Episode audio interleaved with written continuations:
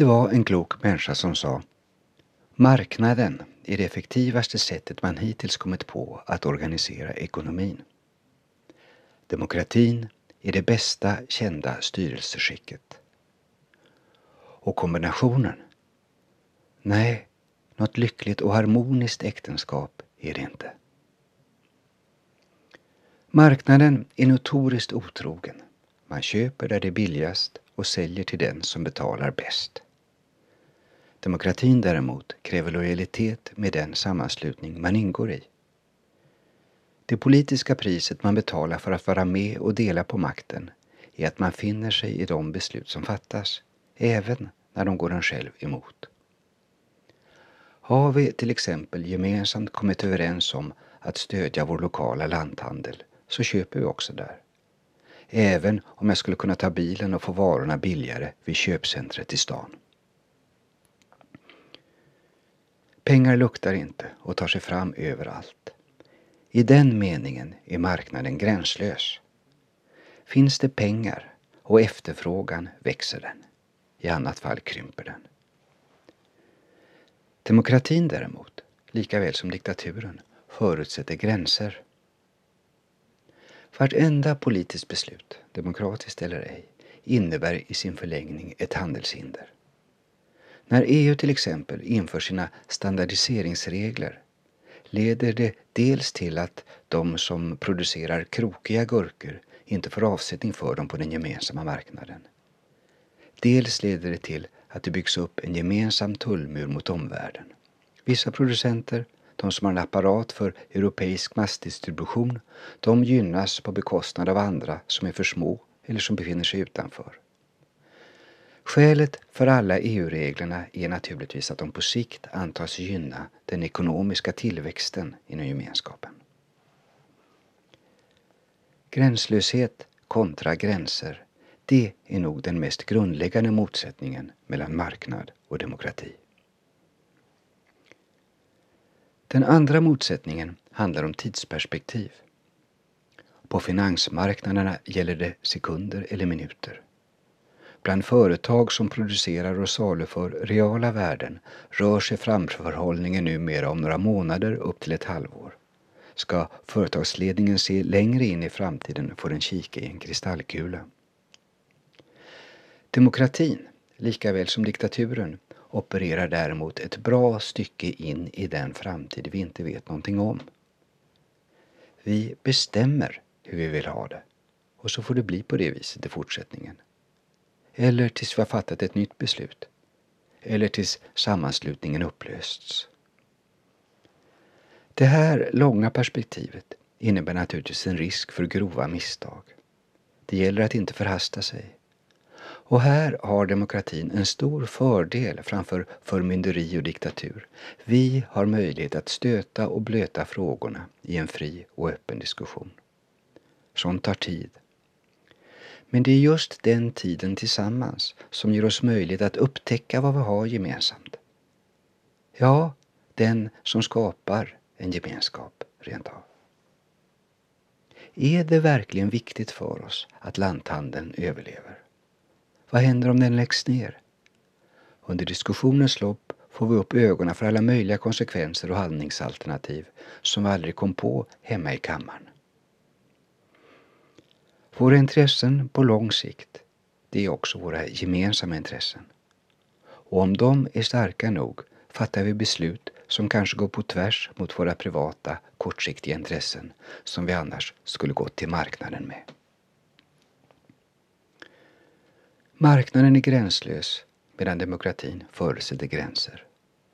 Marknaden gynnar kortsiktiga privata intressen medan demokratin snarare uppmuntrar de långsiktiga och gemensamma.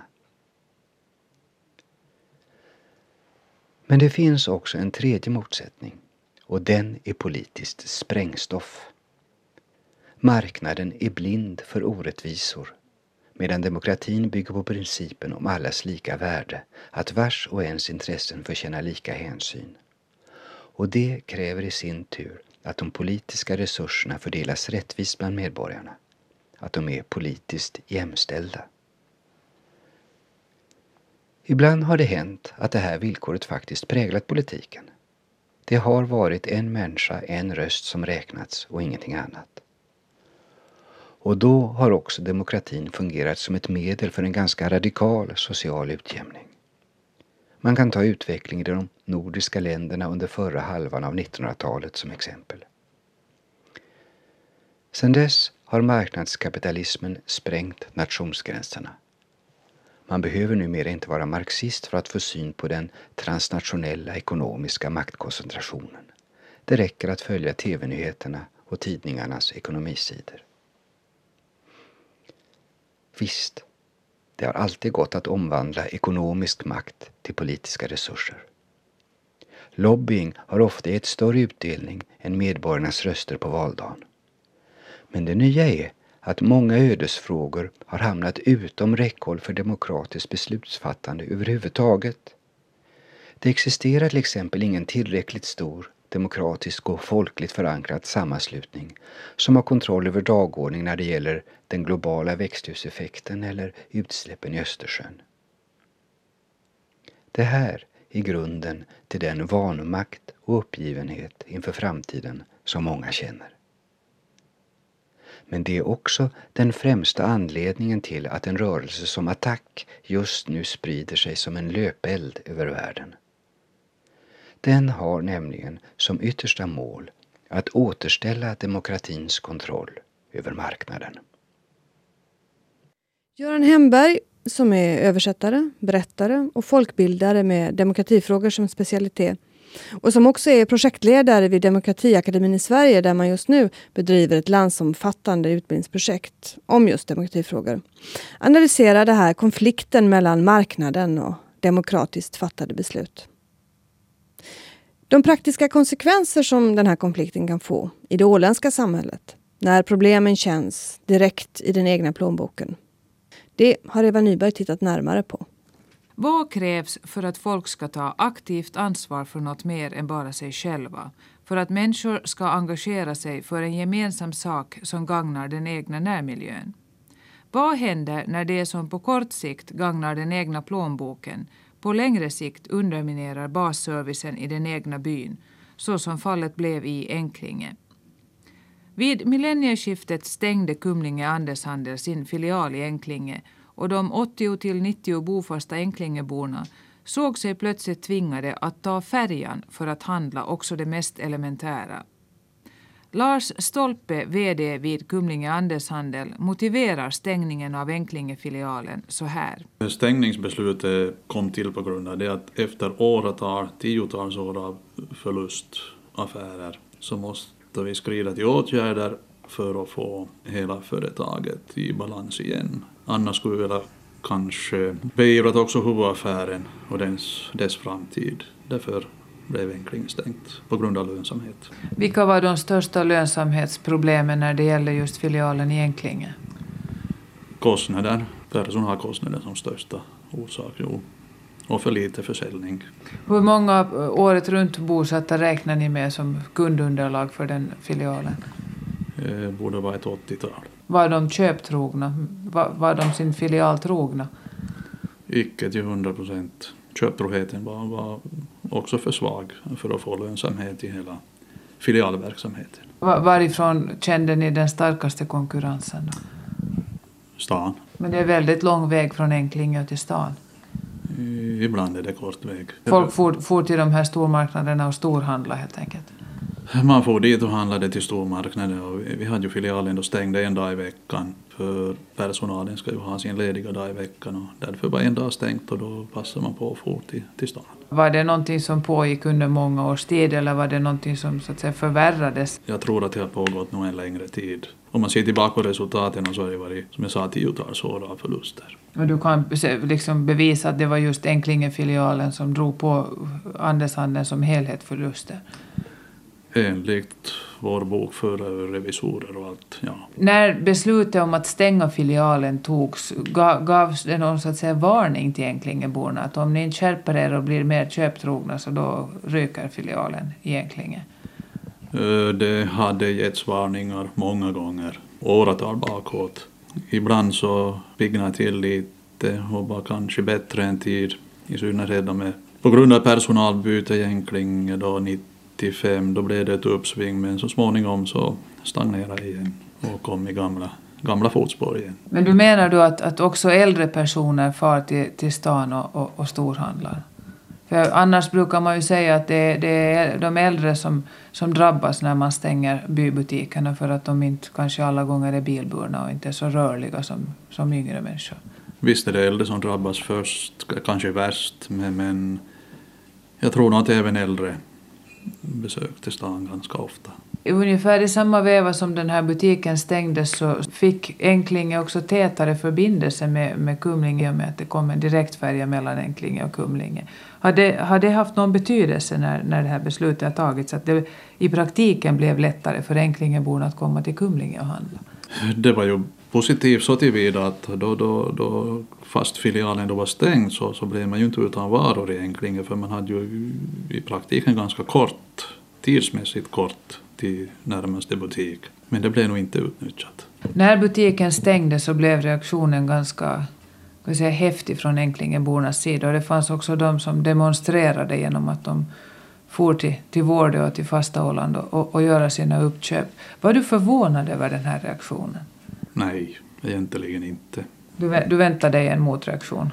Jo, naturligtvis väntade jag det. För det, det märker man i ett tidigt skede att det var inte hälsosamt. Men som sagt, vi hade inget annat val inte. Men det att man sen gick samman i och bestämde sig för att nu 17 skulle vi ha affär, driva affär i egen regi, var det ett drag som du också hade räknat med att skulle komma? Det, har, det var väntat, men å andra sidan tycker jag att om man nu startar en butik i egen regi, Kumlinge Handelshandel var ju också deras butik. Vi har ju medlemmar i Enklinge också. Men av någon anledning så är det lättare då att bilda en egen bybutik än att vara delägare i ett större har du fortfarande medlemmar, sådana som är medlemmar i Kumlinge Handel som, som bor i Enkling eller har de sagt upp sitt medlemskap i kölvattnet av, av de här konflikterna? Inte en enda har sagt upp sitt medlemskap från Enklinge. Vi har till och med en styrelsemedlem från Enklinge som vi alltid haft. Och hur är det med Enklingebornas uppköp på Kumlinge idag då? Det är nog ganska sällsynta här men visst finns det undantag. I synnerhet då gäller tyngre varor som vi då lagerhåller här så då, då dyker man upp då och då men mycket sparsamt. Reaktionerna i Enklinge på stängningsbeslutet blev kraftiga. Trots numera rätt hyfsade förbindelser mellan Enklinge och Kumlinge var det inte till Kumlinge man for för att handla.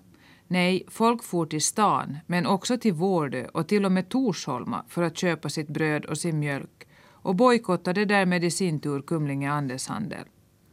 Ganska snart började man också sondera möjligheten att starta en egen butik vilket ledde till att Enklingebutiken kunde öppna sina dörrar i den gamla filialfastigheten i början av maj, drygt fyra månader efter filialens stängning. Men varför tror man då att den butiken ska bära sig när Kumlinge Andershandel inte lyckades få filialen ekonomiskt flytande? Styrelseordförande för Enklingebutiken Ingmar Engblom. Ja, vi tror att folk ska bli det här köptrognare än förut. Och vi är fullt fast på att det ska gå att driva, gå runt. Några stora marginaler blir det inte, men att det bör gå. Men då säger du att de inte var så köptrogna medan det var en, en filial till Kumlinge Andeshandel? Eh, det var de inte, nej. Det vad var... berodde det på då? det vet jag inte vad det berodde på. Det vet jag faktiskt inte, nej. Men du har någon idé om, om varför de ska bli mera köptrogna nu? Ja, därför att nu äger de butiken själva. Eh, för att nu är ju i alla fall cirka 95 procent av byborna eh, aktieägare och det är nog en helt annan känsla det tror vi än förut. Och det sporrar väl till handla hemma och inte, och inte i Mariehamn. Men på sätt och vis var det väl en hel del Enklingebor också som var delägare eller är delägare i Kumlinge Handelshandel för de var väl medlemmar i handelslaget en hel del Enklingebor? Jo, jo, det stämmer och det var många, många och de är ju fortfarande medlemmar som sagt Men eh, vi tror nog att en annan nu känsla för det hela när det gick så här till att de stängde fast så beslutade vi att vi ska göra så här och vi hoppas att det ska gå och tror fullt och fast på det. Var det, var det lätt att engagera folk för, för det här projektet att starta en ny butik? Eller behövdes det övertalning? Du säger att 95 procent av Änklingeborna står bakom nya butiken. Det var nog eh, relativt lätt, jo. Det var det nog. Jo. Lätt så långt att de satsar pengar i aktier, men, men sen att äh, insikten om vad det också kräver, nämligen den här köptroheten, har den frågan diskuterats vid de här mötena som ni har haft? Eh, Det har vi nog eh, diskuterat, jo. jo, jo, det har vi nog. Och, och folk är införstådda med att det krävs, krävs att man, man är bu- butiken trogen. Jo, jo, jo. Det är de nog helt klart, ja. Införstådda med det. Om man tänker sig att det nu då är ett, ett, ett nytt litet företag som, som tar sina första stapplande steg. Är liksom styrelsen eller aktieägarna på något vis involverade i, i själva driften av butiken? Eller är det överlåtet åt anställd personal? Det är nog anställd personal, det. Så några sådana här talko-insatser från, från aktieägarnas eller styrelsens sida har, in, har då inte varit aktuella? I, i det här start, start det här skedet, då var ju förstås styrelsen där och jobbade lite talko med, men inte, inte nu, utan vi har an, anställd personal. En person vinterhalvåret och två på sommaren. Det, det har ju i upprepade gånger så har det ju påtalats och diskuterats prisnivåerna i synnerhet i de mindre butikerna. Är det svårt att, att sätta så att säga, de där marginalerna på, på, på rätt nivå för att dels få butiken att gå runt ekonomiskt men samtidigt undvika att skrämma bort kunderna med för höga priser? Det är klart, det är svårt. Det är nog ett eh, pusslande det och, och, och försöka vara ett bra pris. Det är som, som sagt var, det får inte vara för högt för då kan det skrämma bort och, och, och det måste vara också en rimlig nivå eller en ja, realistisk nivå för att få det att gå igenom. Så det är svårt. Men ni har, har kalkyler för vilka marginaler ni behöver för att få det hela att gå runt ekonomiskt? Ja. Så du, du tror att det här, det här projektet nog ska bära sig? Det, det tror vi. Det tror vi, jo. jo, jo. Sa Ingmar Engblom, styrelseordförande för Enklingebutiken. Företaget har 125 olika aktieägare som har tecknat allt från en aktie och uppåt. Nästan alla bofasta Enklingebor är delägare, liksom majoriteten av stugägarna på Holmen. Hur har det då varit med köptroheten bland Enklingeborna under butikens första månader? Affärsföreståndare Lotta Sjölund. Ja, det har de nog varit. Varje dag är de nästan upp alla och handlar sitt dagliga bröd. Så det här, det här som, som har sagts från Kumlinges sida förut att de, de gärna får till stan och handla och, inte, och, och svek sin egen butik, att det har förändrats då i och med att, att man startar en egen butik. Jo, det tror jag nog det. De handlar nog det dagliga här och sånt som inte finns i butiken så åker de då bort och handlar. Har de varit nöjda med sortimentet eller har du fått mycket förfrågningar om, om varor utöver det som du har kunnat hålla?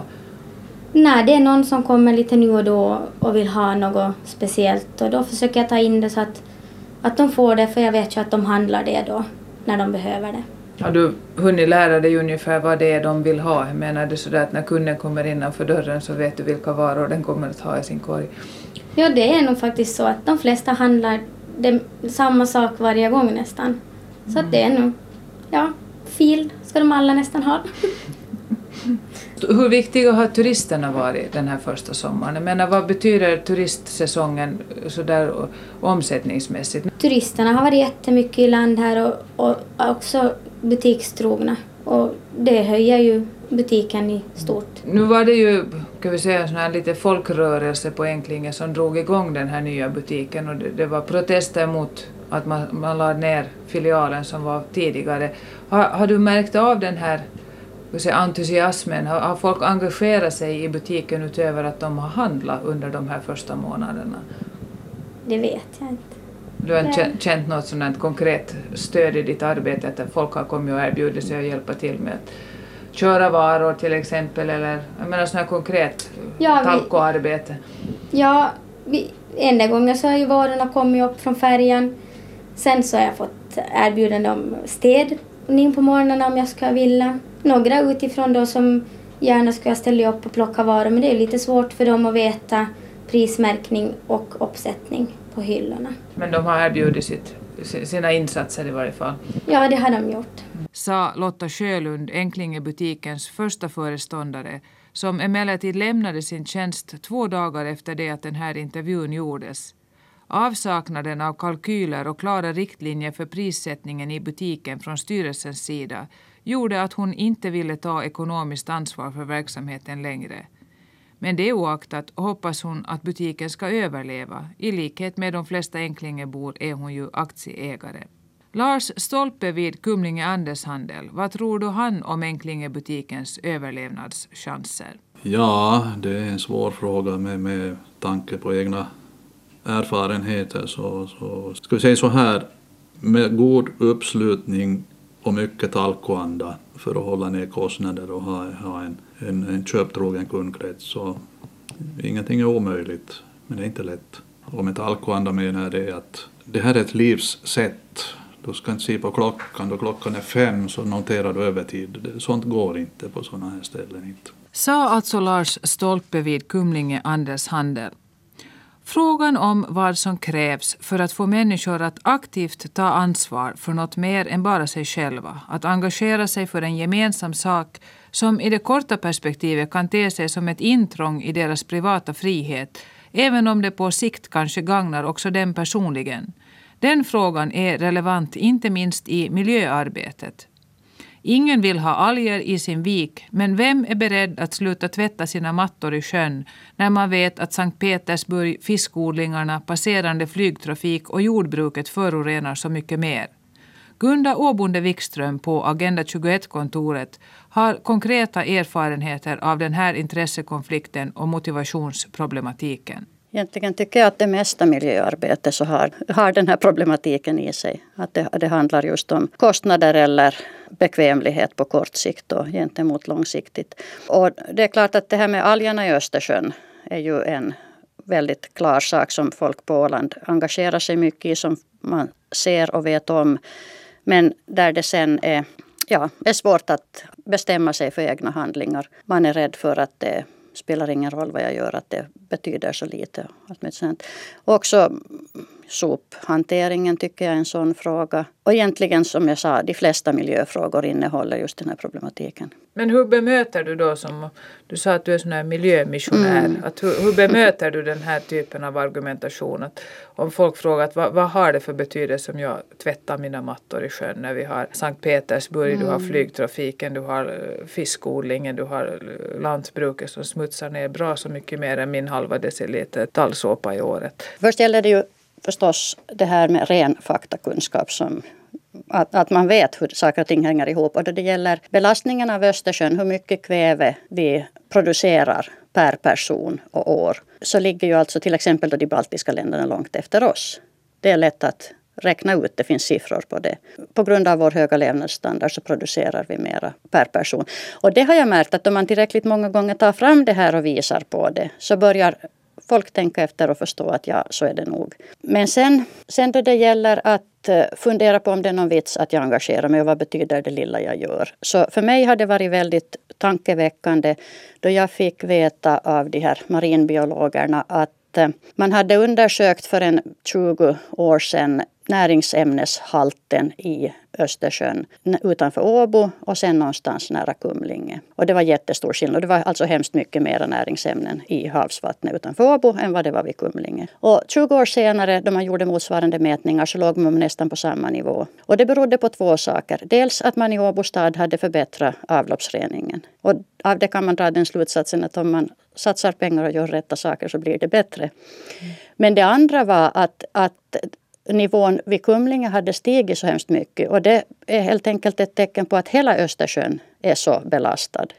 Att Östersjösystemet inte klarar av att ta emot mera näringsämnen. Och då, för mig åtminstone, blir det då en sån här aha-upplevelse att ja, men då är allt lika viktigt. Att då kan man inte hålla på och säga att det ena är viktigare än det andra och att, att varför ska jag då det finns sånt där. Utan om, om situationen är så allvarlig så då är varje liten droppe viktig. Men det är ju en sån här fråga om personlig övertygelse. Men hur, hur eh, väcker man folk hur, hur väcker man den övertygelsen hos, hos människor som med vanans makt gör som de alltid har gjort? Mm. Behövs det den här typen av vill säga, chockbehandling som, som den här enorma algförekomsten för ett par somrar sedan för att folk ska vakna till insikt och liksom vakna upp ur den där dvalan åtminstone för en tid? Jag tror att den där chock, chocken i någon form behövs. Alltså en sån här insikt, en plötslig insikt om att nu står det illa till. Nu måste vi göra någonting. Och den kan vara, algerna har ju varit en sån men det kan finnas andra också. Jag vet att det här med blinda kaniner i Australien då i samband med ozonhålet. Och det kan vara sådana här skräckupplysningar nog som ofta väcker människor. Men att, att eh, då jag ser dem jag jobbar med i miljöfrågor så Alltså de som då är övertygade, det är ju ofta mm. dem jag träffar på så, så handlar det om, om sånt bara kärlek till naturen helt enkelt. Eller omsorg om barnbarn och kommande generationer. Att det, det är väldigt känslobetonat det här om man tycker att man ska göra någonting. Om man känner att jag har ett ansvar här, jag borde göra någonting. Och sen kommer de andra stegen att, att veta vad man kan göra. Vad som är, veta vilka alternativ det finns, veta vad det är som belastar mer eller mindre. Och det där tycker jag i miljöfrågor alltid att det är ett lite tungt kapitel. Att måste man, måste man kunna allt om fosfor och kväve och kretslopp hit och dit för att kunna bli miljövänlig. Mm. Men om det är väldigt emotionellt underbyggt det här direkta engagemanget. Vad nyttar då all denna enorma information till? Jag menar, du, vi översköljes ju med information och man mm. blir översköljd av, av miljöinformation men den där känslomässiga väckande gnistan saknas och då kommer man inte så mycket längre. Nej, men om man har den känslomässiga väckande gnistan och sen gång på gång får höra att det är ingen vits att du försöker därför att det är ändå mycket värre med fiskodlingarna och Sankt Petersburg. Mm. Då måste du ju ha någonting att sätta emot. Du måste veta då att det är en vits. Att det är inte bara det att jag vill så gärna utan att faktiskt veta någonting om hur saker och ting fungerar och vad som är stort och smått i det här sammanhanget. Men du ska över den där ska vi säga, engagemangsmässiga, känslomässiga tröskeln för att du ska ta steget att, att göra någonting själv även om det går emot dina, mot din egen bekvämlighet ska vi säga i första skedet. Ja, det går ju lite olika vägar det där. Jag tror ju att eh, det handlar också mycket om att eh, ja, om vad som sker i, i samtal mellan människor och vad som sker naturligtvis i det offentliga samtalet. Men, men om, om många människor pratar om att det är nog hemskt viktigt det här och man borde inte köra bil därför att det ger upphov till kväveoxider som göder algerna. Jag menar, det, ju fler som på något sätt berör och talar om det där så desto fler är det som kommer med så det sagt och tänker att ja, ja, nog borde man väl. Att det mm. behöver inte alltid vara den här plötsliga väckelsen. Utan det går jag. också med ett sånt här, ska vi säga, långsam övertygelse. Långsam, långsam övertygelse, ja. Kanske. Ett problem som ju sannerligen har ventilerats och utretts och diskuterats så är ju det här med hur vi ska lösa sophanteringsfrågan på Åland. Och då undrar jag, att kan man se det att det också handlar om att, att, att man inte vill, det ska inte komma en, ens egna intressen för nära. Man vill nog i och för sig ha en lösning på problemen men det ska inte komma i det, inom den egna kommunens hank och stör. Det är ju en klassisk, det här med att placera någon, någon typ av avfallsuppsamling eller sortering eller vad man än kallar det fast man inte kallar det soptipp så är folk ju väldigt rädda för det. Och det är ju det som man brukar kalla för not in my backyard syndromet. Det vill säga att jo, jo, det är nog väldigt bra men det passar liksom inte här bredvid oss. Och det, det är ju en väldigt naturlig reaktion. I synnerhet om man inte riktigt vet vad det handlar om. Så där, där tycker jag att det är väldigt viktigt med kunskap att redogöra för vad det han, för dem som är ansvariga, alltså för att den här anläggningen ska komma till stånd så handlar det ju väldigt mycket om att, att ärligt gå ut med information och att diskutera vad som är möjligt. För den andra sidan av saken, om jag nu ser det då ur samhällssynpunkt, så är det att om vi har under en lång period ganska många människor som sätter ner arbete och tankemöda på att sortera sina sopor och kompostera själva och minimera sitt sopberg och och sorterar väldigt samvetsgrant och ringer och frågar vart ska man sätta det ena och det andra. Och åren går och ingenting händer på det strukturella planet, det vill säga att, att sophanteringen, uppsamlingen och det här med vart soporna tar vägen och, och, så här. Om det inte händer någonting avgörande så är det ju möjligt att många tröttnar och tycker att varför ska jag hålla på här och sortera? Och jag vet att på Åland då för många år sedan eller för fem år sedan då vi började med Agenda 21 så var det väldigt ofta som vi fick höra det här att ja, det är ingen vits att sortera det för att allt går ändå i samma hög. Och det var inte sant, det hände ju någon gång misstag men att i allmänhet så sort, det, det sorterades och fördes till olika ställen. Och så här. Men nu börjar det igen eftersom det på något sätt har malat på det här och man har fått de här lokala uppsamlingsstationerna. Men liksom den här, med vad man ska göra med, med det stora, att ska man bränna eller skicka bort eller sälja eller gräva ner. Så eftersom den frågan inte har lösts så är jag rädd för att det nu för många känns lite trögt det här att hålla på. Motivationen börjar Motivationen svikta. börjar svikta på nytt. Trots att den har funnits en gång. Så det här samspelet mellan, alltså om, om man har de här stora, det är ju det som har sagts med hållbar utveckling och de globala miljöproblem vi har idag, att det går inte att klara av bara med lagstiftning och internationella överenskommelser och sånt här, utan det krävs personligt engagemang av människor lokalt, överallt. Och, men för att det engagemang, om man då får ett sådant engagemang så är det ett oerhört ansvar att se till att det också börjar hända någonting på då kommunal nivå, på statlig nivå, i det internationella samspelet, i världshandeln och så vidare. För att, att eh, om man ska tro på att det är, det är klart att det finns dels den här folkrörelseaspekten på det. Att bara vi är tillräckligt många då gäller det att vi har kontakt sinsemellan. Alltså vi komposterare eller vi algkrattare eller vi som inte kissar i sjön eller vad det nu kan vara. Att, liksom att man har, har en identitet som miljöarbetare och så kan man upprätthålla det här genom att prata med sina likasinnade möjligen. Men, men det går inte i längden om, om, liksom, om ingenting blir bättre så är det ju risk för att engagemanget sviktar i alla fall. Man behöver se något resultat runt omkring sig Ja. fast man inte kanske kan peka på att, att det är resultat just av ens egen handling. Men Jo. att det går åt samma håll som det man Precis. själv försöker göra då. Det som man då för att ändå hålla ut behöver få se är ju att det görs någonting ja, gemensamt. Alltså att, att, att just stater i det internationella samarbetet, så att det faktiskt händer någonting. Till exempel med oljeutsläppen nu som, som fortfarande pågår. I det här perspektivet att, att ta ansvar för inte bara sin egen riktigt lilla bit utan också för någonting större. Tycker du att det, att det överhuvudtaget är moraliskt försvarbart att diskutera att vi skulle exportera våra sopor bort från Åland? Nej, jag tycker inte. Alltså de som går till återvinning verkligen, eller som är problemavfall eller som går som glas till glasindustrin, papper till pappersindustrin. Det ska vi exportera för det går inte att ta hand om här. Men det som är deponi, alltså det som är bara avfall, det, det tycker jag är orimligt. Att vi, det, det tycker jag är skamligt